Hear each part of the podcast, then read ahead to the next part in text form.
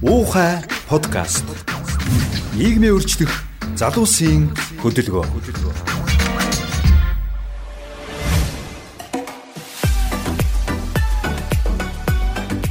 За сайн байцгаана уу. Уухай подкастын 15 дахь дугаар эхлэхэд бэлэн боллоо. За өнөөдөр Уухагийн хоёр найзтайгаа сууж ин тэгээд өнөөдөр аа яг цаг үетэйгээ нийлээд за коронавирусын энэ үед эдийн засаг маань нэлээд хүндэрч байна. За энэ тэгээд өрхийн болон хувь хүний санхуд бас бас маш хүчтэй нөлөөлж эхэлж байна. За үүний чиглэсэн арга хэмжээнүүд ч гэсэн бас аа зориулсан ч гэсэн авч эхэлж байна. Энэ үдгтээ аа макро эдийн засаг чиглэсэн арга хэмжээнд авч байгаа боловч өрхийн хэмжээнд харин иргэд маань ер нь ямар дэглэмтэй байж иж бас санхүүгээ зөв өдөрдох за магадгүй нөхцөл байдлаас цаашаа олон сараар үргэлжлэх нь бол тодорхой ах шиг байна. За тэгээд энд сэдвэр корона ба өрхийн санхүү гэдэг сэдвэр хоёр зочин ухаагийн хамттайгаа сууж байна. Тэгээд за эхний зочин бол за энэ удаад бол зочноор орж байгаа. Манай хөтлөгч асан аа. Ошууд асан болох гэж байна.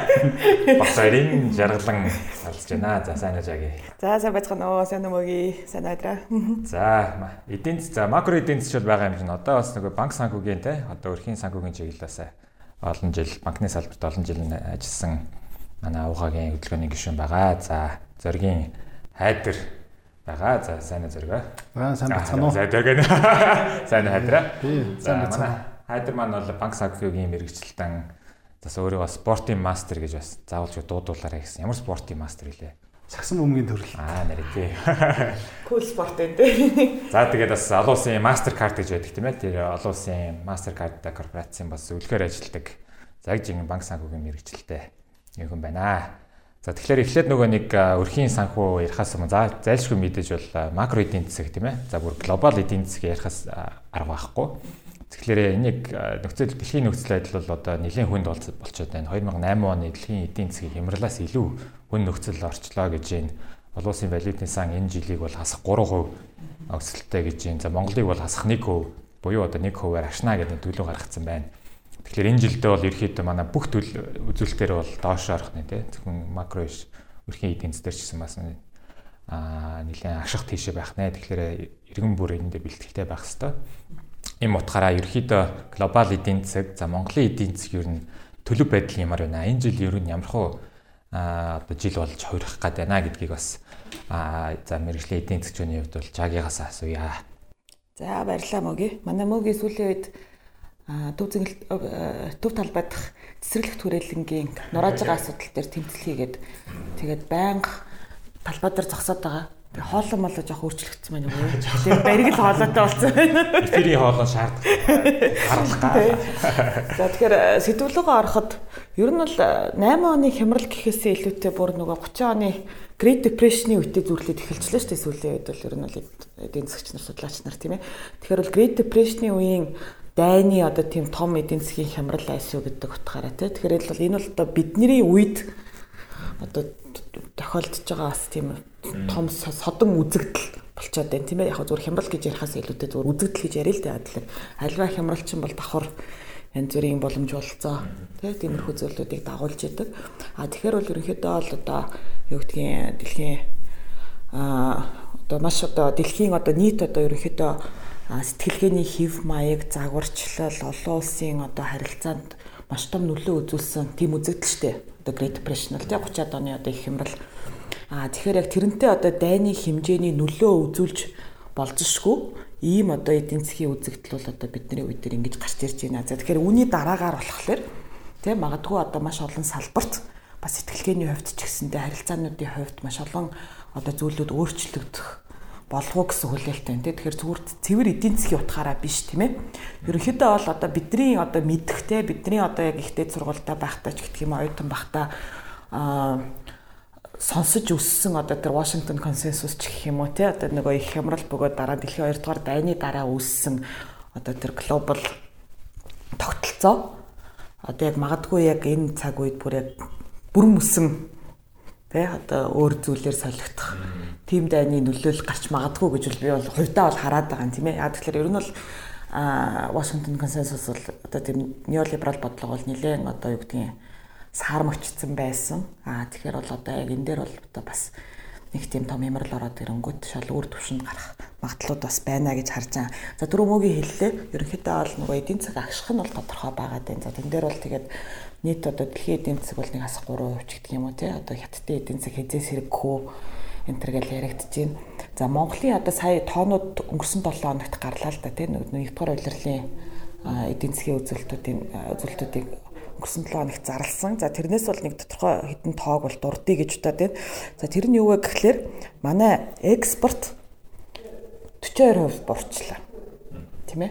Ерөнхийдөө бол одоо а бид нэг улиралдаа бараг 2 тэрбум долларын экспорт хийдэг болцсон байсан шүү дээ тийм ээ. Одоо ингээд тэгсэн чинь өмнөх оныхтой харьцуулах юм бол саяны 1 дугаар улиралд бол 1 тэрбум доллар орчмын экспорт хийгээд за тэр нь бол өнгөрсөн онтой харьцуулах юм бол одоо 730 сая доллараар буурж ийн гэж байгаа байхгүй. Тий Тэгэхээр чин чин бол одоо бүр огцом огцом шок болчих чинь тий. За тэр дундаа бол одоо хамгийн их нөлөө үзүүлж байгаа нь бол мэдээч хэрэг нүүрсний экспорт байгаа тий. Мэдээж манайх хилээ хаацсан. Тий тэгэхээр 400 сая долларын нүүрсний экспорт одоо байхгүй болсон өмнөх онтой харьцуулах юм бол тий бууралтынх нь хувь тэр байна. За тэгэхээр бол гадаадаас орж ирж байгаа валютын урсгалч гэх юм уу тий. Тэр хэмжээгээр бол ингээ буураа явчихж байна. За тэгвэл эн чинь болохоор ингээд нөгөө санхүүгийн салбартаа ч гэх юм бодит засгтаа бол ингээд нөлөөлөлд үзүүлж байгаа. За банкны салбарын хувьд гэх юм бол хугацаа хэтэрсэн зээлийн үлдэгдэл үлсэн явж байгаа тийм энэ талаараас хайдар бол илүү мэдээлэлтэй байгаа. Ямар ч байсан гэсэн 3 дугаар сарын үзүүлэлтээр бол 1.2 их 80 төгрөг төрсэн байна гэж байгаа байхгүй. Тэр нь болохоор өмнөх сартай харьцуулах юм бол бас 10 гаруй хувиар чанаргүй зээл нэмэгдсэн байна л гэсэн үг тийм. Тэгэхээр чинь бол ерөнхийдөө бол ингээд бодит одоо эдийн засгийнхаа оролцогч нарт нөлөөлөд эхэлсэн байна гэж. За миний хувьд бол хамгийн их тийм одоо юу гэдэг санаа зовж байгаа зүйл бол ноолуурын салбар байна тийм ээ. Манай ноолуурын салбар чинь болохоор ерөнхийдөө бол нийт малчтын маань гол нөгөө орлогын их үүсвэр те яг яг энэ 4 4 5 сард бол манайд бол яг энэ ноолуураас бас хэмжээний гадаад валют орж ирдэг. За тэр тэгээ дээрэс нь ер нь малчтын одоо амжиргаа гол нөө зээлээ төлдөг пал эдлнийг дор мөнгө ороод ирдэг зүйл чинь ноолуур тий. Тийм тэнгууд ноолуурын салбар бол одоо маш хүнд байна. А за тэн дээр бол одоо юу гэдэг засгаас баримталж байгаа бодлого улстай хангалттай байгаа даа. Тэгээ улаан сайд янз бүрийн мэдээлэл хийсэн бас за зах зээлийн одоо үн тогтоох явцдаа ихтэй сонирхолтой байдлаар нөлөөлж байгаа.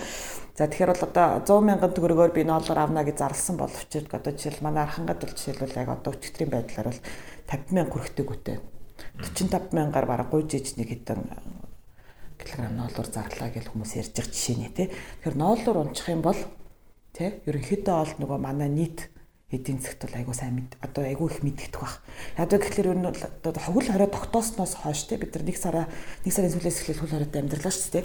Тэгэхээр бол яг тэрийг бол ингээд жижиг дунд бизнесүүд бол одоо худалдааны салбарч гэх юм уу за нэг ялангуяа нөх хөл хоройнд орсон одоо нөгөө фитнесээс ахуулаад сургалтын төвөөд нэтрэгээ тэр салбар одоо уус уус орлого байхгүй болсон байсан. За тэнгуүдэ жижиглэн худалдааныхаа энэ төр бол мэдрээд эхэлсэн байсан хэдиж нөгөө яг хэрэглэгч талаасаа нөгөө малчит энэ төр харьцангуй гайгүй болсон учраас бас нэг төдийлөн хүнд биш байсан болов гэж хараад байна тий. Тэгэхэд одоо малчит унчих юм бол тэгэл ерөөсөө хэцүү болчихно л гэсэн тийм л зүйлүүдийг ер нь одоохондоо ярмаар байна тий. Энэ дээр адраа юу гэж бодож байна? Ер нь одоо хэрэглээний талаасаа ч гэх юм уу тий. Манай жагийн манаас макро эдийн засаг ерхэд яриад бас микро эдийн засаг бас жоохон хальт орлоо. Тэгээд өргөжлүүлээд бас манай хайдар маань микро болоод цаашлуудаа өрхийн юм буюу одоо нано эдийн засаг руугаа гарнаа. Тэгээд жагийн ярьсан микро эдийн засаг дэх нөлөөнүүдийг хэлсэн нас юу гэж харж байна. Тий, тэрийг яг ярихаас өмнө би макро эдийн засгт бол зүгээр ганц боддог зүйл юу гэхээр бид нар бол нөгөө түүхийд экспортлдог улс орн байнамаа. Ноолорч бай, нүрсч бай тий. Тэгэхээр бол яг үнэндээ бол энэ эдийн засаг бол амар хамааралтай дээрэс нь манай улсд бол урт хугацаанд бол хөгжил авчрахгүй гэж би боддог. Нэмэн үртэг шингэсэн тэ тийм бүтээгдэхүүлчлэгэл бид нар гаргаж чаддаг болсон тохиолдолд бол бид нар одоо хөгжинэ гэж би бол зөв хөвдөө боддог юм аа. Тэгэхээр тий тэгэхээр одоо ноолрыг зүгээр ингээд үсээр нь биш те а яг үнэхээр одоо пальто те юу гэдгийг цамц хэлбэрээр гаргуул манад бол илүү ашигтай те. Тэгээ энийг бол хүмүүс ойлгоод байгаа боловч яагаад энийг бид нэг зөрөгтэйгээр шийдэж те хийж чадахгүй байна гэдгийг бол одоо өстой хэлж мэдэхгүй байна те. За тэгэхээр микро макро гэдээ ярихаар нэг хүмүүс ингээд би их олон хүмүүстэй харьцаж байгаа хүмүүс ингээд жоохон эргэлзээд эхэлдэг энэ ер нь ямар утгатай юм те. Тэгээ би бол энийг зөв энгийнээр тайлбарлал юу гэж ярьдаг вэхэр хувь хүн бол микро а Монголын бүх улс хувь хүмүүс нийлэхээр макро болоо явчихдаг те. Тэгж ойлгох хэрэгтэй те. Тэгэхээр нөгөө хувь хүмүүсийн одоо эдийн засгийн мэдлэг за тэгээд одоо энэ санхүүг хэрэглээгээ хэртэй зохицуулж байгаас хамаарат макро эдийн засгт том нөлөө үзүүлдэг тий. Тэгээ бид нар улсаараа одоо буюу хувь хүмүүсээр хэр зөв ухаантай бодлоготой амьдрч чадна. Тийм бол эргээд нөө макро эдийн засгт сайн нөлөө үзүүлнэ гэж би бол харддаг аа тий. Тэгээ ер нь бол макро микро гэж ярихаараа зүгээр үрх одоо эдийн засгийн онолоор бол үрх гэж ярьдаг те үрх одоо өрх эдийн засаг гэж ярьдаг те одоо авгаа нөхөр хоёр за цаашлаад хөөхтүүд гэр ингээ үрх болоо явчихдаг. Тэгэхээр өрхийн энэ хэрэглээ санхүү ер нь ямар байвал зохистой юм бэ те. За тэг хямрал бол угаасаа ирж болж л байдаг ирж л байдаг ямар өмнө хямарч үзээгүй ш зүгээр урт хугацаага ирээдүгөө хараад өрх өрхийн тэргүүнүүд те одоо энэ ер нь бол өрхийнхаа сангуу яаж зохицуулбал дээр юм бэ гэдэг өөрийнхөө бодлоо болцъя те.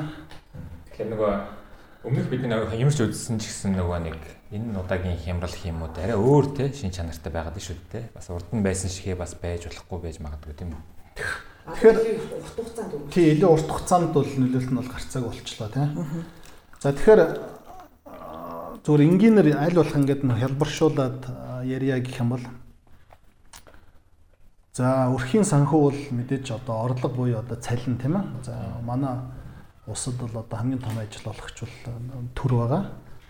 Тэгэхээр бол одоо тогтмол орлого буюу цалин гэдэг зүйл бол одоо өрхийн гол орлого болчихж байгаа юм тийм ээ. За Тэмүүд зардал талаа яриа тийм ээ. Мэдээж ингээд өрх болгонд янз бүрийн зардал гардаг. Тэгэхээр энэ зардлаа хэр зөв удирдахаас хамаарат одоо бидний санхүүгийн эрүүл мэнд гэдэг ойлголт бол яригдана тий. Тэгэхээр тий. Тэгэхээр зардлаа одоо зөв ангилж ямар юм дээр бид нар мөнгө хэмнэж болох юм? Ямар юм дээр мөнгө хэмнэх шаардлагагүй юм? Гэдэг бол хүмүүс бас ойлгодог байх хэрэгтэй тий. Тэгээ энийг бол би сандгийн микро эдийн засгийн хичээл дээр одоо их сургуульд болоо зааж зааж заажсан биднэрт тийм ер нь юун дээр мөнгө хэмж болдгийг юм дээр. За мөнгө хэмж болдгоо зүйл бол хамгийн түрүүнд бол хүнс байдаг тийм. Яг тэгэхээр хүнс бол шууд эрүүл мэндтэй холбоотой учраас тийм. Тий, өөхөх өгөхгүйтэй тэгээд дээрэс нь эрүүл мэндтэй холбоотой тийм ээ. Тэгэхээр хүнсэн дээр бол мөнгө хэмнэх бол одоо их буруу тийм. Их боломжтой байх хэрэгтэй тийм. За хүнснээс босод юм дээр бол ерөнхийдөө мөнгө хэмж болно тийм Тэгэхээр бусад юм хэрч одоо хувцс хунар ах хүн хэрэглээ тий одоо байр сууц машин. За тэг гадуур хоол идэх кофе уух гэх мэт ингээд юм зардлууд байна шүү дээ тий. Энэ төр дээр бол мөнгө хэмж болно тий. А тэгээд дээрэс нь өрх болгоно ерөнхийдөө бол санхүүгээ. За сард одоо за миний жишээ цалин сая төгрөг юм бол яг зайлшгүй миний төлөх зардлууд ер нь хэдэн төгрөг байх гэдгийг ядаж өрчилж таамаглах хэрэгтэй тий За миний хүнсний эргэлээхэд би сард ер нь хэдэн төгрөг хүнсэндээ өрдгийг. Тэрийг одоо мэдмээр байна тийм. За өөр зайлшгүй төлөх зардал юу гэхээр байрны төлбөр байна тийм. Цахилгаан ус сөөх мөх гэдэг тийм. Энийг бол одоо төлөхгүй бол өөр арга байхгүй шүү дээ. Зугтах ямар ч арга байхгүй. Заавал төлж таарна тийм. За энэ хоёр нийлээд ерөнхийдөө миний цалингийн хэдэн үеийг авч явж гин вэ гэдгийг бас өрхүүд бол мэдэх хэрэгтэй тийм. 70% юм уу 80% юм уу тийм 30% юм уу 50% юм а тийм. За ишөө нэг зайлшгүй зугтах ямар ч боломжгүй ямар төлбөр өгөх вэхээр энэ бол тэгтээ зөвхөн зээлт хүмүүст хамаарлалтай буюу одоо зээл зээлийн хүний төлбөр гэдэг тийм. Төлөхөөс аргагүй байхгүй тийм. Одоо нэгэнд зээл авцсан юм чинь тийм. Ямар банкны шахалтаар зээл авч байгаа биш тийм. Өөрийн хүслээр л зээл авч байгаа шүү дээ. Тий. Тэгэхээр ингээд өөрөөр хэлбэл ингээд төлбөрүүд бол аягүй сайн ангилах хэрэгтэй тийм. За ингээд зайлшгүй бүр ингээд зарцуулах мөнгө энэ юм байна. Цаана хэдэн төгрөг үлдэж чинь те. Тэр мөнгөөр харин би яах вэ гэдгийг одоо эцэг эхчүүд бол бодох хэрэгтэй те. гадшаа аялах юм уу? Хоримтлуулах юм уу? Тий, хоримтлал тий. Тэгээд ер нь бол одоо сүүлийн ялангуяа одоо нэг 3 4 жил бол одоо хоримтлал гэдэг юм аюух ярьж байна тий. Хоримтлал уул амир ингийн шүү дээ. Нэг л зүйл байгаа. Хэдэн төгрөгний орлоготой ч байсан ч хамаагүй. Одоо тэр орлогоноос ядаж 5%-ийг ямар ч бодлогоор хоримтлуулах сурах хэрэгтэй. Тэ? Тэгэхээр үлдсэн мөнгөөрөө хүн бол ингээд зохицуулаад сурчдаг байхгүй юу? Би одоо ингээд аягүй олон удаа ямар хүмүүстэй тулгарч ирсэн бэхээр сар болгон 20 сая төгрөг хадгаламж руу хийж яадгийг нэм өснөл шууд 100 мянга хийцэн дэр штэ гэж ярьдаг байхгүй юу? Хизээж тэгдэг байхгүй юу? Хизээж хүн нэг дор те 100 мянгаыг шууд гээл хадгаламж руу хийдүүлэх Хоримтл гэдэг чинь айгүй том санхүүгийн одоо сахилэг бат. Тэ? Тэгээд энэ ч багаас эхэлдэг юм. Тэгээ нөө туслыг хураавал 70 гихчээр те. Эхнээс нь 20 мянгаар хоримтлууд сурна. За дараа нь тэр 30 мянга болгоно. Дараа нь 40 мянга, 50 мянга гэд те. Ингээ айжмаар явж иж 100 мянга руу очдөг байхгүй юу? Тэрнээс шууд сая төгрөний цалин тоон л тэгэл аа за би өстө сар болон 100 мянган төгрөг. За өстө би л тийм үнэтэй амьдралдаа тулгарч байгаа үү те байдаг л ахaltaа гэхдээ ихтэл цөөхөн баг.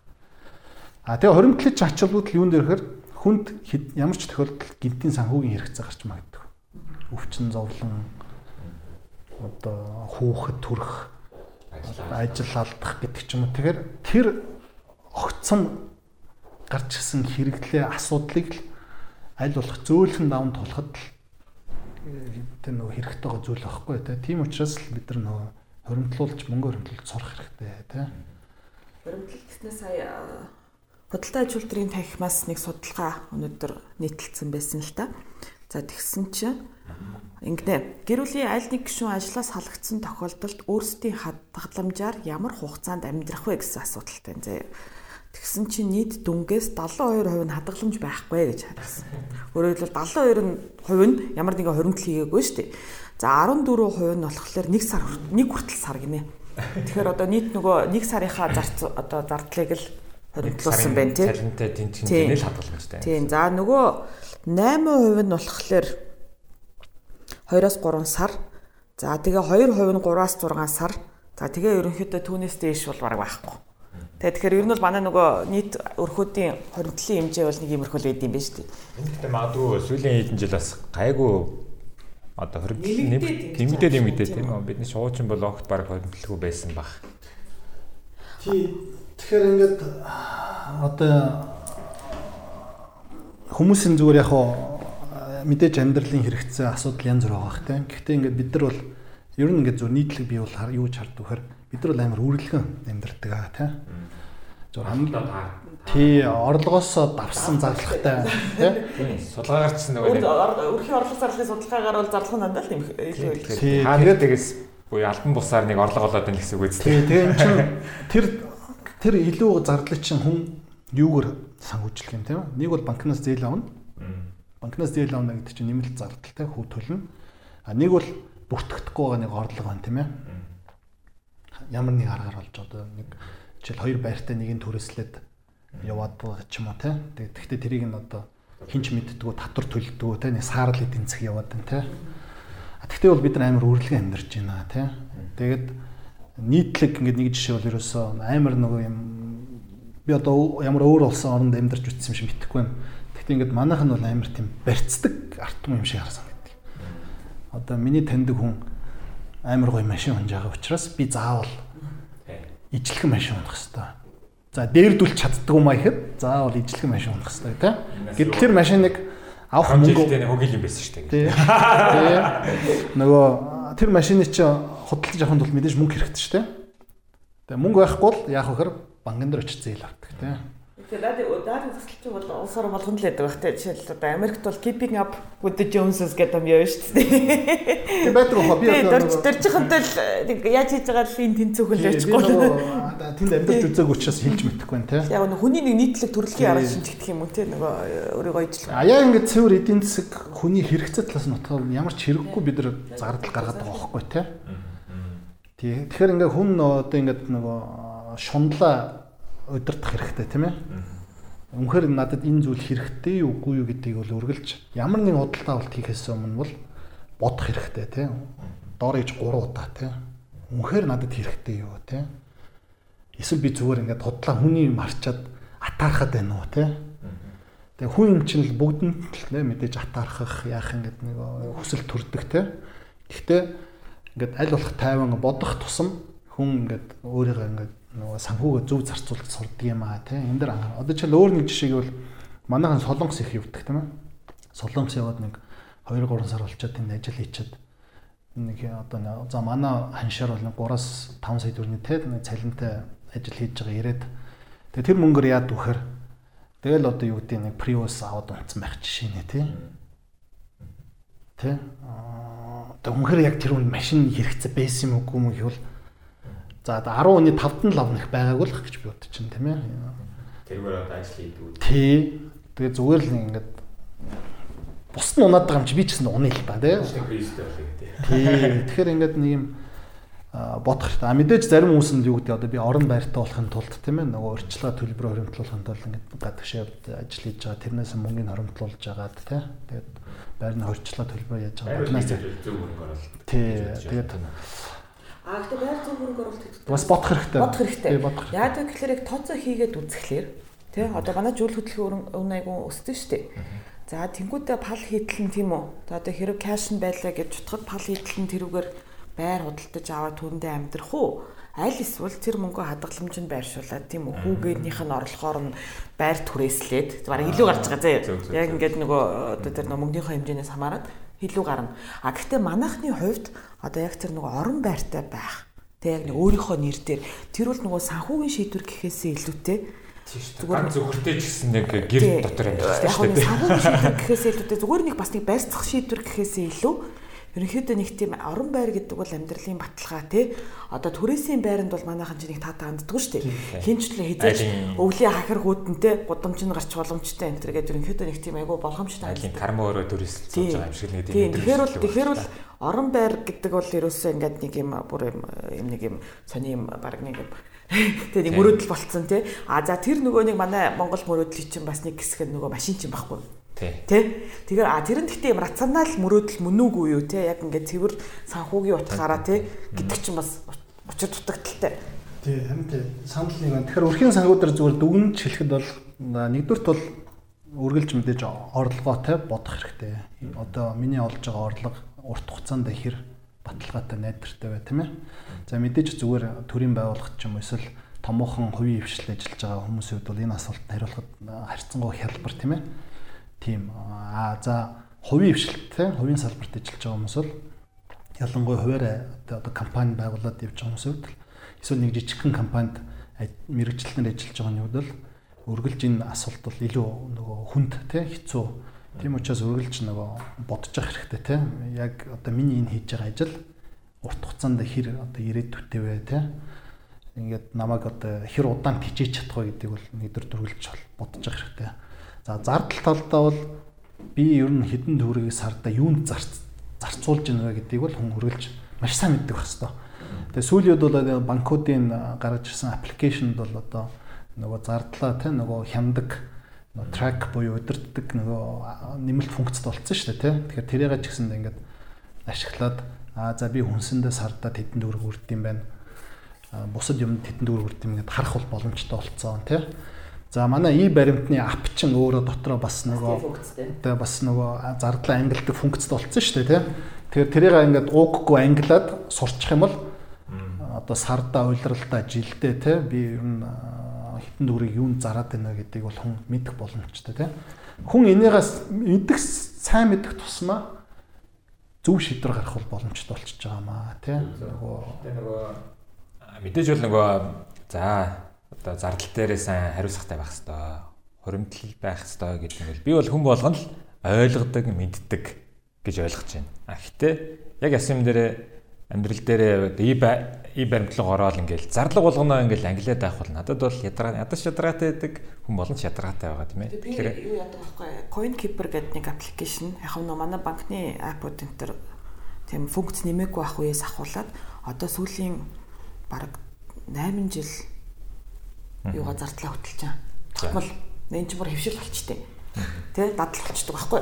Тэгэхээр одоо жишээлбэл ингээд нөө бүх одоо банкны картуудынхаа үлдэгдлийг те бэлэн мөнгөнийхөө үлдэгдлийг а тэнгуүтээ орлого орж ирдэг их усруудынхаа одоо юунуудыг хийгээд а тэнгуүд эн чинь нэг нэгдүгээр нэгдүгээр тул түрүүнөө хайдргийн хэлдгээр юугаа зардлаа хянана а хоёрдугаарт ингээд нөгөө трендүүдтэй бас өөртөө харах боломжтой болчдөг байхгүй тий Тэгэхээр бол одоо бол жишээлбэл ингээд энийг ингээд харангууд бараг л одоо нөгөө 8 жилийн дата цугларсан учраас бараг л нөгөө нэг юу юм бичил юм нөгөө инфляцийн судалгааг бараг өөрөө хийчих боломжтой болчихж байгаа байхгүй яг нөгөө өөрийнхөө тэ сагсан дээр. Одоо яг жагийн жишээг зөв баяжуул ярих юм бол би 2001 оноос хойш одоо хувийн санхүү хувийн санхүү хөдөлдөг те Microsoft Money гэдэг програмыг өнөөдөр хүртэл ашиглаж байгаа. 19 жил. Дээ. Би ерөөсөө өдөр болгон ерөнхийдөө энэ тэнд зарсан мөнгө олсон бүх мөнгөө бүртгэж явчихдаг. Банкныхаа дансны үлдэгдэл ерөөс бүх юмтайгаа. За би ингээ 19 жилийн санхүүгийн түүхийг харах боломжтой. Дуртай үед. Тэгээ ер нь 2001 онд жишээл ямар цалин авч ирсэн, одоо ямар орлого олж байна. 19 жилийн Тий. Тэгэл одоо жишээл би за би 8 онд хувьдаа машин удалж авсан бол би тэрнээс хойш хэдэн төгрөг цэвэр бензин дүрсэн бэ гэдгийг хүртэл би мэдчихэв. Тэгэхээр тэр машин. За тэр инфляц, инфляц тэр бензиний үнийн өөрчлөлт мөрчлөл гэдгийг ерөөсө тоохгүй гэхэд л би цэврээр 15 сая төгрөг ерөөсө зөвхөн бензин зарсан байна. Гэтэ бол би машин аягүй бага ундаг хүн Зүгээр нэг хүүхдүүдээ л сургууль соёлтон зөвхтөн жирийн үед бол дандаа алхаж явдаг, ажил амжуулдаг та. Тэгэхэд би яг том машинтай ч биш. Зүгээр аягүй жирийн машинтай тэгэхэд л 15 сая төгрөг өрцөн байгаа байхгүй. Тэгээ би ингээ боддгийг За тэр ста мундаг том машиныг те ундаг хүмүүс нөхдүүд ер нь хэдийг зард юм бол доо те. А гэтэл яаж юм Улаанбаатар дотор л ихэнх нь явж байгаа байхгүй юу? Гэтэ тэр өөрийгөө нэг тийм бензинд маш их мөнгө зарцуулж байгаа нэг мэдэхгүй. Өдөрт нэг те нэг 20 мянгаар ч юм уу нэг бензин яхасныгаа нэг юм бодохгүй. А 20 мянга юм чинь гэж бодоод тэр шин хориглогцоор байгаа нөгөө нэг те. Тий. Тэгэхээр ингээд би бол ерөөсө зардал болно мэдчих. Хүнсэндээ эдэн дүгрэг зардаг байсан. Тэгэл одоо гэр бүлт болохоос өмнө гэр бүлт болсныхан дараа те ингээд бүр ингээд үе үеэр нь хүртэл ангилж харж чадна те тэгээд одоо одоо тий 20 жил болж байна л да энэ програмыг ашиглаад Үнэхээр хүмүүсээс сонсоход яг төлбөртэй үгүй үгүй энэ үнгөө үнгөө юм уу? Аа за тэгээд баг тэр маны дээр нэг данс байгаа хаа тэрийг гаргаад ирэх юм бол баг. Тэгээд Microsoft энэ ч бол тухайд Microsoft-ын одоо баг айгүй шилдэг бүтээгдэхүүн байсан юм. Тэгээ Microsoft хэдэн оноос хойш ч хөгжүүлэхэ болоод ингээд зогсоцсон юм. Аа. Тэгвэл яг ажиллана. Тэгэл яг би ингээд өдөр болгон бүртгэл яваад байдаг байхгүй юу? Тэгээ би бүртгэж байгаа. Ерөөсө залуурахгүй гадаг шээ юусан хамаагүй. Тэгэл ерөөсө тэрнийхэн буйнаар би сар болгон жилийнхаа орлого зарлага гараад тий. Тэгээ миний хадгаламж нэмэгдэж гин үү, буурч гин үү, тий. Бүх энэ одоо төрний жайгийн хэл төр бүх тренд, бүх хандлагуудаа анзаарч байгаа. Тэгээ ерөөс аюулгүй дата гарчиж байгаа. Тэгэл одоо за одоо би 10 онд жишээл гадагш явахад хитэн төгрөг хаана үрж ирсэн бэ гэхэд бүр газар мазартайгаа нэртэйгээ уустайгаа бүх юмтайгаа. Баартайгаа байж гин. Тий. Тэгээд яг хоо чиний төрөний хил дээр нэг удаа ядаргаатай л та. Хийх. Ихтэй нэг сурчхаараа.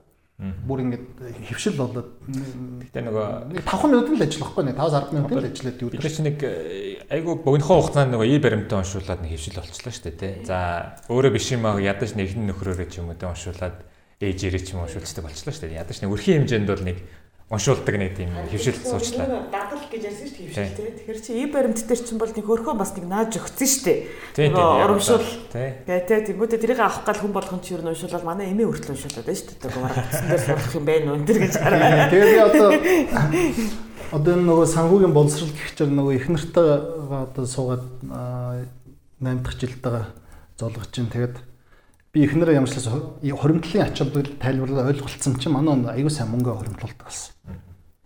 Тэгээ тэгээд зөвхөн өөртөө биш нөгөө хүүхдүүдтэй ингээд сар болно те хадгаламж ингээд хийгээ сурчсан цалингаас. Тэгээ эн чинь ингээд нэмэтгэхэд ингээд аягүй хөрх хөрх ингээд өсөө өчөж байгаа байхгүй юу? Тэнгүүд нөгөө хүүхдийн жишээл боловсрал гэдэг аягүй том хөрөнгө оруулалт байдаг те. Нөгөө сургалтын төлбөр за тэгээ дагалдах хэрэгсэл гэл сар бол мөнгө ингээд аягүй хөр зарж. Тэр нөгөө хоримт мөнгө хоримтлуулчихсан учраас бит хоёр тэр хоримтлаас нь ингээд тодорхой хэмжээний зардлын санхүүжилт чадаад байгаа байхгүй? Тэгэхээр дарамт багтаа байгаа. Тэ ямар ч сан сургалтын төлбөрлөө ингээд төлөхөд жилд нэг удаа төлөхөд тэр нь бит хоёрын өрхийн санхуд нэг амар нөлөө үзүүлэхэргүй байгаад байгаа байхгүй юу. Тэгэхээр уул нь ингээд хүн ерөөсөө л цалингаас нэг 5 10% л хийгээд сурчхал юм бол ингээд тэр чинь ингээд урт хугацаанд аягүй их мөнгө болд юм аа. Тэ энэ бол аягүй чухлаа тий. Гэтэл ялангуяа нөгөө нэг магадгүй ингээд ойрын хугацаанд цалин буурах ч юм уу те эсвэл сул загсалтанд ороод 60% 60% болох за бүр ажлаа алдах ийм маш том эслүүд байгаа. Эхнээсээ бол ингээд ийм байна байдалд орсон хүмүүс байгаа. А засгийн газараас ч гэсэн бас яг хөтөлбөрөд байгаа ч гэсэн бас тэр тэр болгон бас хангалттай бол хүрэхгүй байх юм болгонд те. Тэгэхээр одооноос эхлээд нөгөө нэг манайхан одоо өссөн үсээгүй зарлах дээрээ анхаарахгүй болохгүй те. Тэгээ нөгөө тодорхой илүү зарлуудаа бас танах шаардлага гарах бах. Гэхдээ яг энэ үед нь ер нь магадгүй бараг банкн дээр очингуудаа нэг хоримтлын данс нэгээ тийм ээ. Тэгээ автоматар цалингаас нь хасдаг илүү оруулаад. За бүр сүүлдээ одоо одоо манай банкнд бол яг тодорхой хуваар төгрөгөөр өгдөг тийм үү? Тоогоор, тоо зав. Тоогоор өгдөг тийм. А бүр энийг банкуд маань нэг шинэ үйлчлэгээ нэвтрүүлээд хувьчлаад яг үнэ цалин нэмэгдэнгүүд нь автоматар хоримтлны одоо нэг сэжүүлдэг дүн нэмэгдүүлдэг. Энэ бол амархан банкны хувьд л хийж өгөх боломжтой байх гэж байна тийм. Гэвч би нэр зүгээр сонирхолтой гэмээр одоо залуу гэр бүлүүд бас байгаа л байлгүй тий. Тэгээ сонирхолтой гэмээр түүх ярьлаа яриа гэж бодохгүй. Яасан бэ гэсэн чи манайх сүүлийн 4 жил ид шавчаа. Ич гэдэг чи бас нэг Монгол айгүй тийм соёлог соёл ахгүй ингээд манай бас юм Монгол ахуйтай холбоотой тийм соёл. За тэгсэн чи ид шавсан чинь чи ингээд яг нэг пал идэлт нэг 800 мянган төгрөгөөр ч юм уу тэр нэг юм бяруу авчиж байгаа байхгүй хөдөөнөөс тий. За тэгэнгүүт нөгөө сар тутмын хүнсний зардлын нөгөө махны хэрэглээ. Мах чи айгүй өндөр хувь эзэлдэг. За ерөнхийдөө хүнсний хэрэглэн дээр хүнс одоо яг зүгээр ахуй хэрэглээний бараа бүтээгдэхүүний хэрэглэн дээр мах аа за тэгээд нөгөө янз бүрийн нөгөө гоо сайхны цэвэрлэгээний нэтрэ гэсэн тийм зардлуудыг өндөр эзэлж байгаа байхгүй. А түүнээс яг сууд талах дээр одоо юу гэдэг будааг урилж бас ирсэн байгаа шүү дээ. За тэгсэн чинь харин тэр энэ идэж гэдэг чинь бол манай бас нэг уламжлалт тийм нэг одоо юу гэдэг нэг тийм хуримтлалын нэг хэлбэр юм аа гэдгийг бас тийм бас ойлголоо тийм орчилж төлөө. Тэ тэнгуүтэй ингээд одоо стайвер идэж авах дуртай заа. Яадаг гэхэлэр нөгөө өвлийн туршид бас яг тэр нөгөө зардлыг айгу айтаахан болгочихчаа. Тэнгүүд яаж яана гэхэлэр нөө 100 оримтлуулсан мөнгөөрөө тийм одоо намар жишээлбэл идэж авангууд өвөл болохоор яадаг вэ гэхэлэр нөө дулааны зардал энэ төр орж ирээд тий одоо байрны мөнгө энэ төр нэмэгдчихдэг байхгүй. Тэгээ гих мэдчлээ ингээ офсет хийж штэ. Харин яг л эн чинь нөгөө юуны жишээ байхгүй те өрхийн санхүүгээ зохицуулах те. Одоо жишээл хэрэглээ ихтэй те нөгөө өрхийн гишүүн ихтэй айлын үед бол одоо идэж аваад улмаар урт хугацаанд мөнгө хэмнэн зөв арга те. А гэтэл ганцаар амьдарч байгаа хүн бол тийм жишээл ингээд бүхэл бүтэд шаваад яах юм. Бараг 2 жил итгэх байлгүй. Тий Ээж яг гэр бүлүүдийн ой тэгэхээр ингээд нөгөө яг л нөгөө өөрийнхөө одоо хэрэгцэн дүн тааруулж тий нөгөө зардлаа бол одоо зохицуулах хэрэгтэй тий би бас яг тэгж үтсэн. 2 3 жил идэж авч үзээд тэгээ одоо бол яаж байгаа гэхээр би бол сард нэг 100-аас 150 сая төгрөг өгөх юм хаан зардаг байхгүй юу тэгээ манайх бол яг хаа Тэгэхээр ингээд за өвлийн 6 сар гэж бодохоор яг л нөгөө нэг эдшнэл мөнгө болж байгаа юм. Тэгэхдээ манайх бол яг э, сартаа бол яг одоо нэг одоо тэр чи хэдийл мах болж байна те нэг 10 гаруй их мах бол ингээд яг идэд болчихж байгаа юм те. Одоохондоо хүүхдүүд жоох учраас бол хэрэглэн бага байна те. Тэгээ яг хүүхдүүд өсөх хэрээр мэдээж хэрэглэн нэмэгдээд ирэхээр эргээд идэж авах асуудал илүү үр ашигтай болох. Илүү үр ашигтай болох бах тий. Идэж гиснээс одоо нөгөө яг 90-д онд бол яг бүгдээрээ идэж авдаг үе байсан тий. Бүгдээрээ нөгөө хөдөө танилттай хамаатнуудтай байсан учраас одоо орчин үеийн магадгүй хотын гэр бүлийн золон бол нөгөө хөдөөд ойрын хамаатнууд байхгүй байхгүй болцсон. Энэ үед харин магадгүй яг одоо бас нэг шинэ бизнес нэвтэрсэн байсан шүү дээ. Одоо бизнес тийм талын Монгол гэдэг нэг нөгөө идшээ захиалдаг тийм нөгөө бизнес ургаа хийсэн. Энэ магадгүй бас яванда шинэ гоё бизнес болох юм шүү. Тий, тэгэхээр яг л нөгөө өрхийн одоо хэрэгцээ чинь нөгөө өрхийн гişүүдийн тооноосоо тий нөгөө хамаарах учраас нөгөө өөрчлөгдөн тий.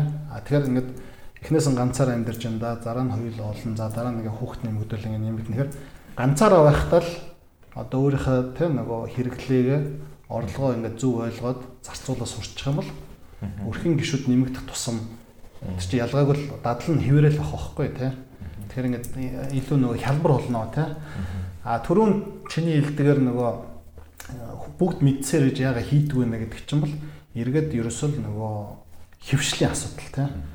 Одоо банкн дээр нэг удаа очиод нэг удаа очиод нэг цаасан дээр авьяасаа зураал тэгээд сар болон цалингаас одоо хэд чинь 20 мянган орчим 30 мянга 50 мянган төгрөгийг автоматар хугацаа дадамжин данс руу Гэхдээ нэр үнэхээр ганцхан удаад очих асуудал байхгүй юу? 5000-аас 5000. Одоо ч юм бол бүр интернет банкар ч хийх боломжтой болчиход байна. Гэхдээ нэр бас нэг айгүй сонин зүйл ажиглал ажигласан. Тэрний юу гэхээр одоо манай нөгөө юм томоохон хүнсний сүлжээ дэлгүүрүүд ч гэх юм уу те.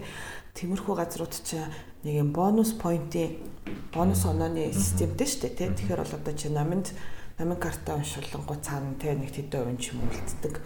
Тэнгүүтээ тэр одоо бонус оноогоо ашиглахгүй үлдээ гэдэг юм одоо кассан дээр айгүйх сонсогддог байхгүй юу? Одоо миний урд зогсож байгаа хүн бонус оноогоо үлдээчи гэдэг байхгүй. Тэгээ тэр бол зүгээр яг цэвэр нөгөөний санхүүгийн хөрөнгөлөл шүү дээ. Гэхдээ харин тийм цэвэр санхүүгийн утгаараа тэр бол айгүй логикгүй асуудал байхгүй юу?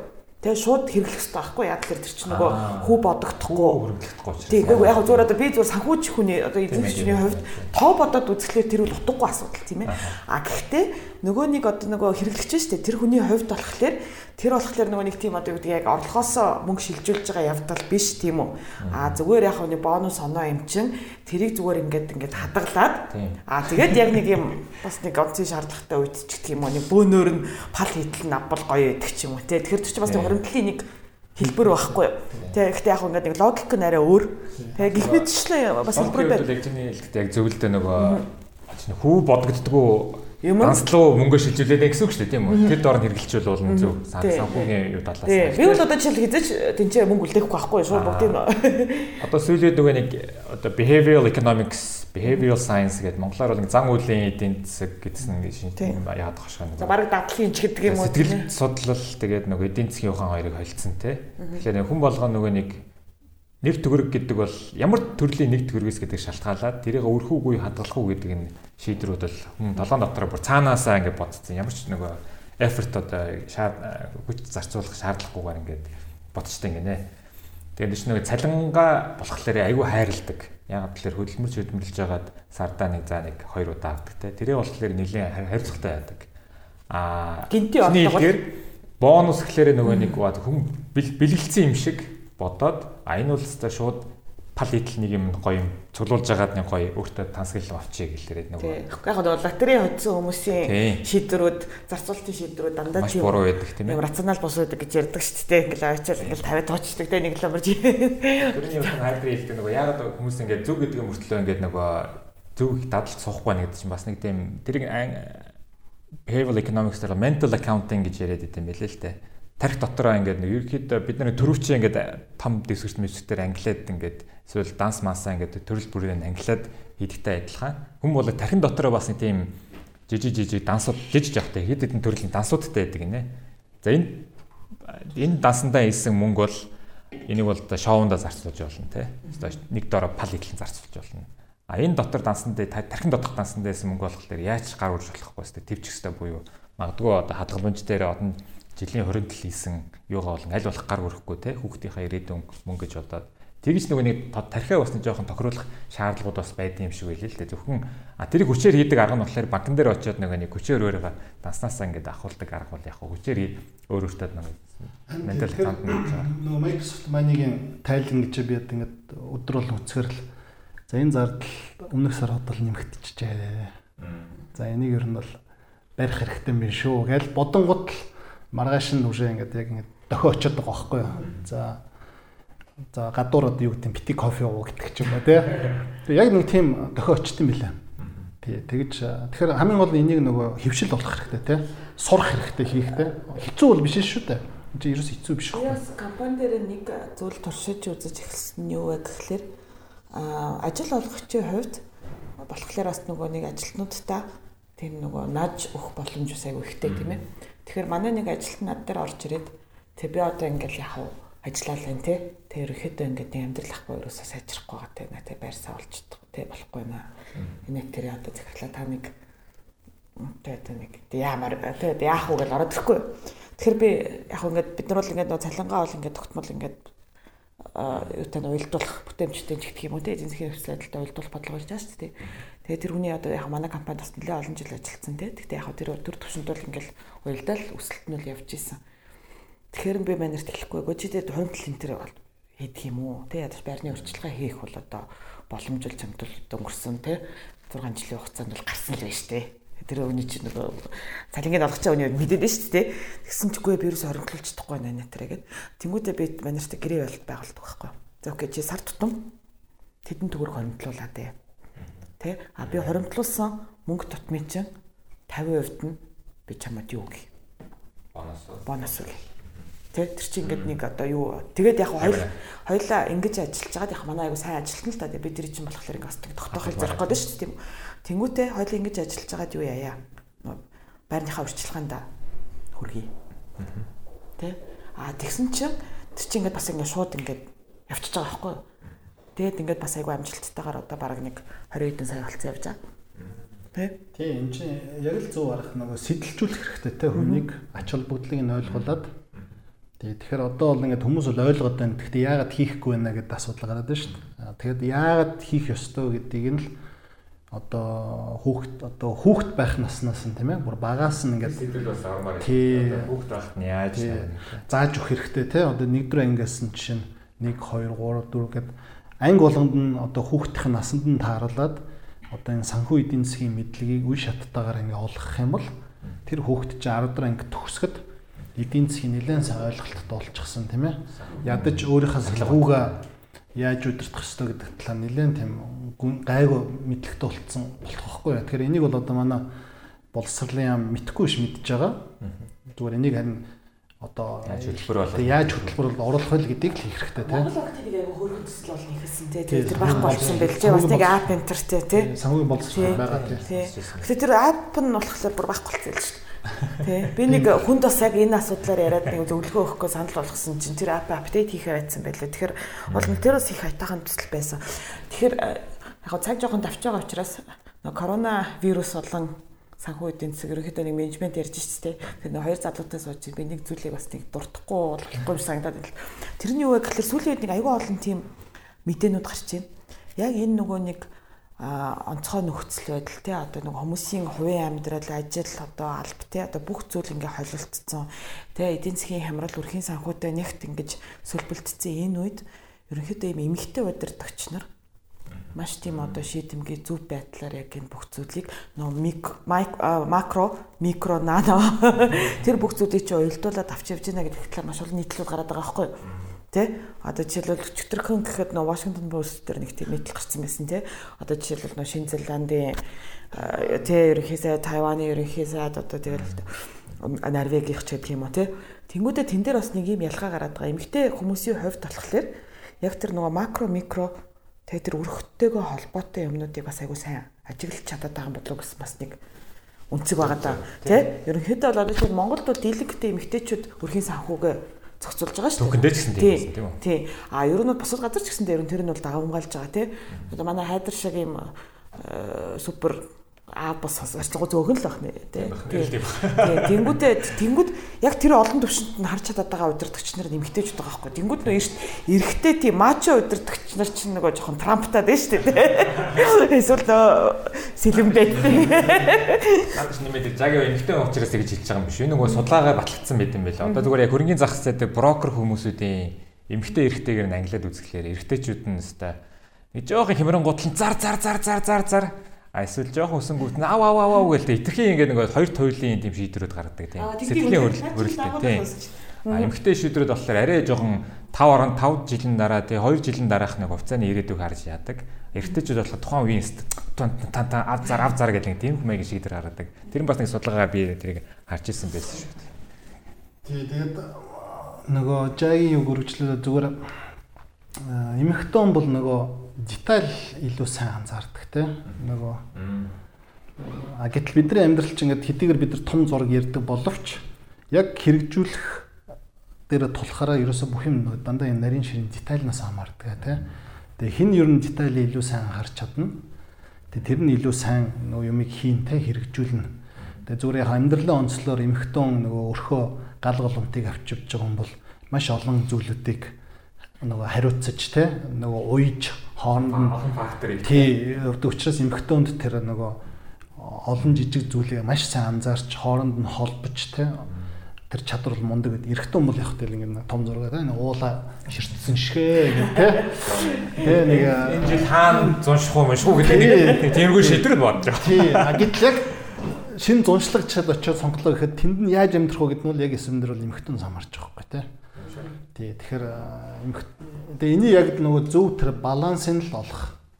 Тий. Аль аль хэрэгтэй тий. Тэгээд бие биенийхээ одоо эрэгтэй эмэгтэй одоо бие биенийхээ давуу талуудыг ашиглаж те одоо явах нь бол одоо урт хугацаанд бол амжилтанд хүргэнэ те Тэгээ яг энэ энэ сэдвтэй холбоотойгоор нөгөө бид нар нэг ном ярих гэж ирж байсан те. Тэгээд ер нь бол ингээд ном унших хэрэгтэй гэл одоо сүүлийн хэдэн жилч яриад байгаа юм. За энэ ямар ном унших вэ тийм ээ? Яг тэр ном чинь их шүү дээ бас сонголт маш их. Ямар ном унших вэ? яах гэж ном уншиж байгаа юм те яг юу мэдэж юу мэдэж авахын төлөө ном уншаад байгаа юм те тэг яг би бол ерөнхийдөө ном уншихыг бол ингэж ангилаад байгаа хувь хүний хүмүүжил бие авчих байдал гэдэг талаас үнэхээр тэрэндээ анхаарья гэж бол уран зохиолын ном унших хэрэгтэй. Уран зохиолын ном те. А тэр дотор ялангуяа одоо дэлхийн классик буюу дэлхийн шилдэг хөлийн зөвшөөрөгдсөн зохиолчтой номуудыг юуны төрөнд унших хэрэгтэй тий. Каноноос эхлэх хэрэгтэй тий. Аа одоо Лев Толстойн дайм баян гэдэг ч юм уу тий. Одоо ер нь бол хүний амьдрал, хүний тэр эмоц зүйл хөдөл ямар байдаг тий. Энийг бол яг тэр өстө маш гоё сайн чанарын номноос олж авнаа. Тэгжэж би яг өөртөө дүгнэлт хийх хэрэгтэй. А цэвэр зүгээр мэдээж ямар нэгэн тийм дадал хөвшил ч юм олж авах бол мэдээж бизнесийн ном ч юм уу нэг сурах бичиг Тэгээд одоо энэ улс төрийн нөхцөл байдал за тэгээд одоо энэ коронавигаас шалтгаалаад хүмүүс ч ингээ гэртээ илүү их байх болж ин зарим гал зурж ин зарим баяр зарим баясч ин те чи янз бүрийн болоод шүү дээ дэлхийд даяар тэнгүүд би нэг уншсан ном гинт сансэ тэгээ тэр ном бол миний хувьд л өстой бүр үнэхээр бүр одоо бүр өстой үнэхээр супер ном байсан те Тэгээ тэрийг хөөрхи би өөрөө ч олж аваагүй. Аав маань надад нөгөө уншихыг санал болгоод нэг 10 жилийн өмнө ч л үү те. Тэгээ энэ Английн айгүй алдартай сэтгүүлч Паркинсон гэдэг хүний бичсэн ном багхгүй юу? Паркинсоны хууль гэдэг нэртэй. Тэгээ тэгээд айл 60-ийн дунд ч л үү бичигдсэн ном багхгүй юу? Тэгээ ном хоёр хэсэгтэй юм. За эхний хэсэг нь болохоор Английн улс төр эдийн засаг хүнд суртлын талаар бичсэн байгаа.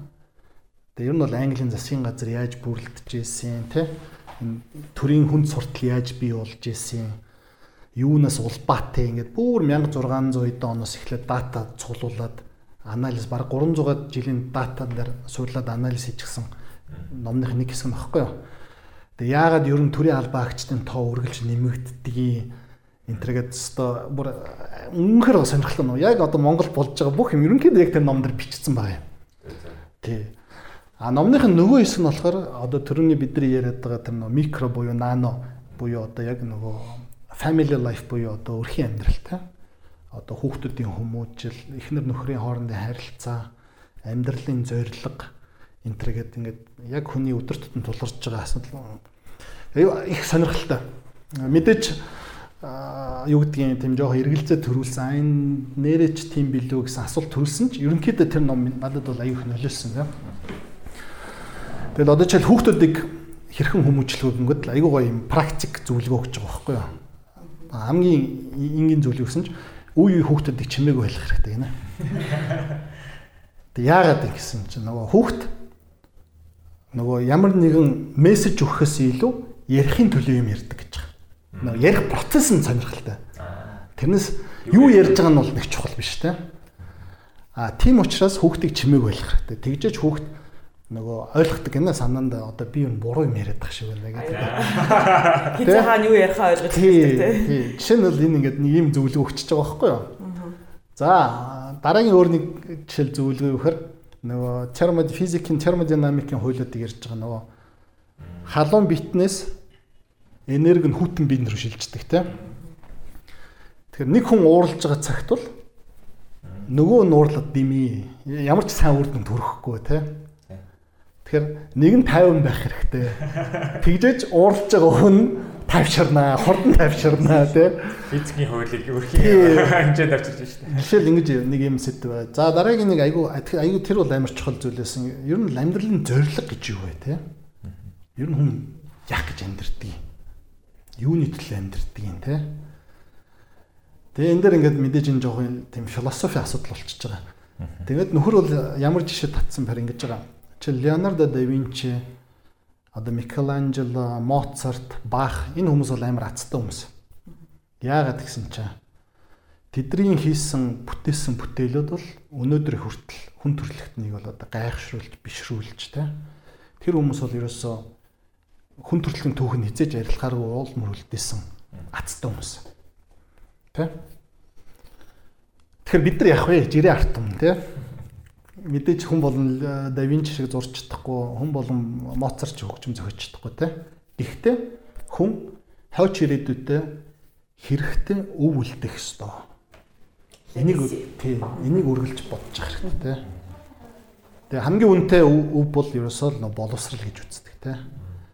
Тэгэхээр бол энэ бол амьдралын нэг одоо зорилго гэж ирж байгаа. Тийм бас хөгд Хүүхдүүд ярьсан бас legacy чинь бас хүүхдүүд шүү дээ. Хүүхдүүдээ зөв хүн болгож те улс их орондоо ч байна. Тэгэхээр энийг ингээд нөгөө тэр номыг бол би ерөнхийдөө ингээд хүмүүсээс уншаасаа л гэж э, боддгийн. Тэгээ найзууд аягүй их зөвлөдгийн те. Ер нь бол зүгээр сонирхчих те. Тэгээ би уншаагүй ном байна. Гасынхан доор тайлбар дээр нөгөө бүтэн нэртэй ном болчих. Тэгээ. Тий.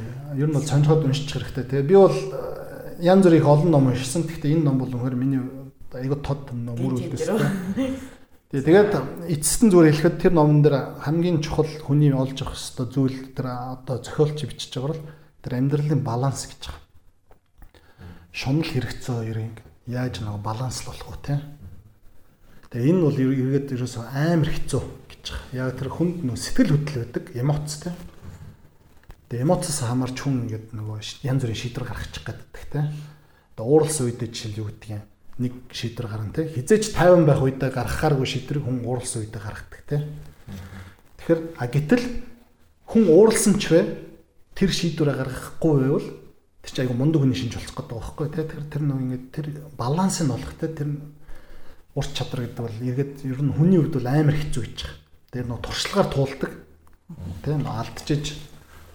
Тэгэхээр энэ их сонирхолтой ном тэгэхээр ингээд энэ боломжийг ашиглаад бас жоо рекламт чи уншаарай тий. Окей, баярлалаа. Сонирхолтой ном сонирхсанд.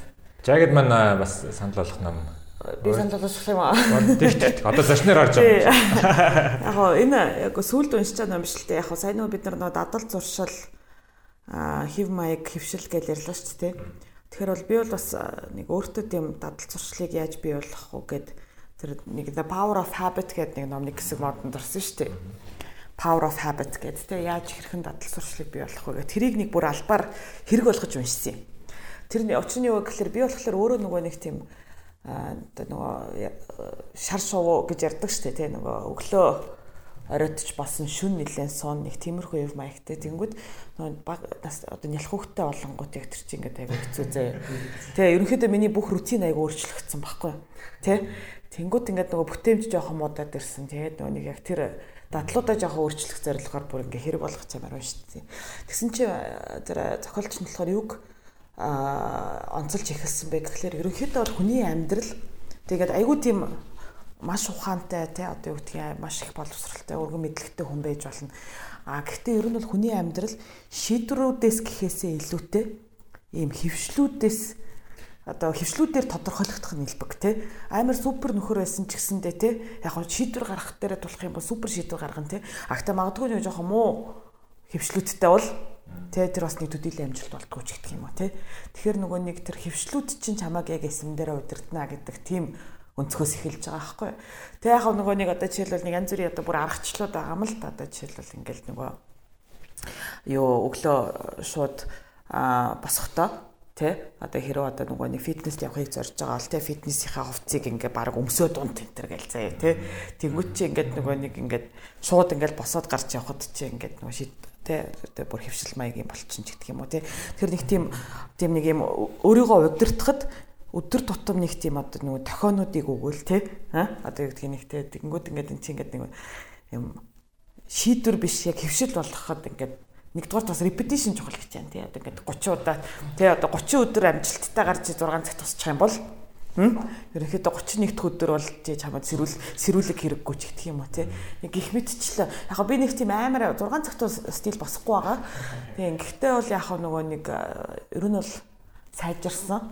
Тэ ингээд бас яг хүн ингээд нэг тиймэрхүү нэг зүйлээ ингээд бодтойгоор яг ухамсартайгаар ажаад эхлэхлээр бас өөрийгөө контролдох түвшинд очиж байгаа байхгүй нөгөө нэг юм жоохон ухамсарын залгаа тэгэхээр трийг санал болгохыг хүсэж чинь power of habit гэдэг ном баг. За мөги би бол за өндөө бол ойрын үед нөгөө нэг хоёр ном нээж би нэг хоёр ном нээдэг уншдаг гэдэг өмнөх подкаст ирээдсэн. Нэг нь одоо нэг жоохон Чингис хааны төв мөхтэй ном уншаад байгаа. Тэрийг урд нь ярьсан учраас яриад явах. Тэгэхдээ ойр жоохон гудамжны жигсагч болсон учраас нэг 8 удаа уншиж чадахгүй наа зүгээр дадалтай холбоотой би зүгээр нэг э, айгу гоё юу зөвлөгөө давтыг гэж бол. Тэр нь Datacom-ийн их хотгоо нэг ихтгэл дээр нэг ярьж ирсэн. Яг нэг habit-тэй холбоотой. Чи өглөө гарч гүдэг болмоор байвал чи ерөөсөө тэрийг ерөөсөө гүй гэж ерөөсөө битээ бод. Чи зүгээр эхлээд орноос эхлээ босчих. Тэнгүүтээ орондоо буцаа эвтгүү гүй юу гэдгийг шийдвэр гаргачих гээл те. За чи нэг гүйлтийн уцаа өмсчих. За чи дараад нь тайлах уу гарах уу гэдгээ шийдчих. За тэнгүүтээ ял эхлээд хаалгаасаа гараад нэг хаалга хаачих За гэрлэгээ буцаж орох уугүй гэдгийг шийдвэрээ тэн дээр гаргачих. Ингээд байвал эн чинь гоё яач тийм а гэдэг нэг тийм дадал байгаа. Тэгээ тэр дадлын дагуу би нэг жоохон жим юм зүйлээ уул нь карантинаас өмнө явж эхлээд нэг сар явсан чинь бас нэлээд дуртай болцсон 7 хоногт ямар ч 2 3 удаа фитнес явдаг болцсон байгаа. Одоо нэг буцаад тэр нь эвдэгдсэн. Одоо 3 сар болчлоо. Одоо өнөөдрөөс эхлээд буцаад одоо дата их хотхон зөвлөгөөг дагаад нэг ямар ч цүнхэндээ юм ээчээд явж лээ на зүгээр фитнес явах уугүй гэдэг шийдвэр одоо энэ подкастн дараа гаргая гэж бодож байна. За амжилтсий.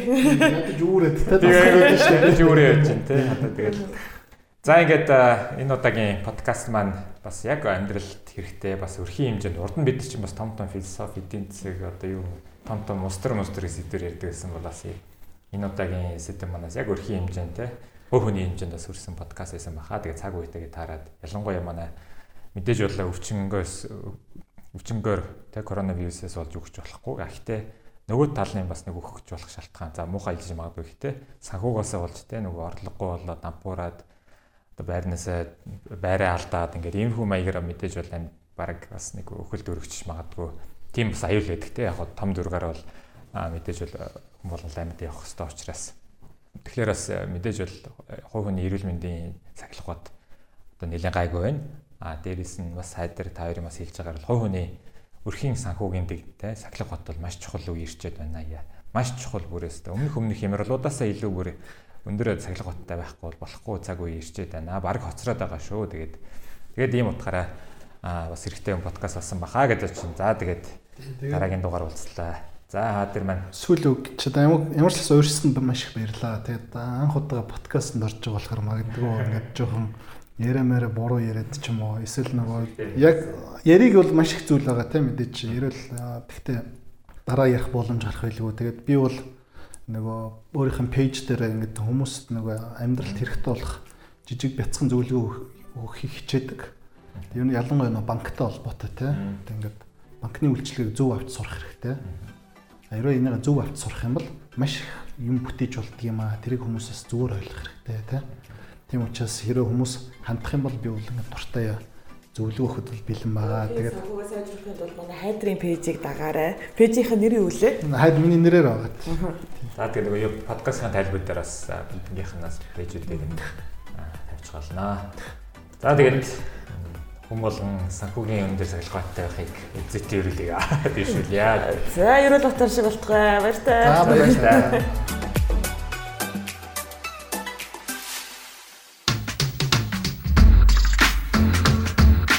Уухай подкаст. Нийгмийн өөрчлөх залуусын хөдөлгөөн.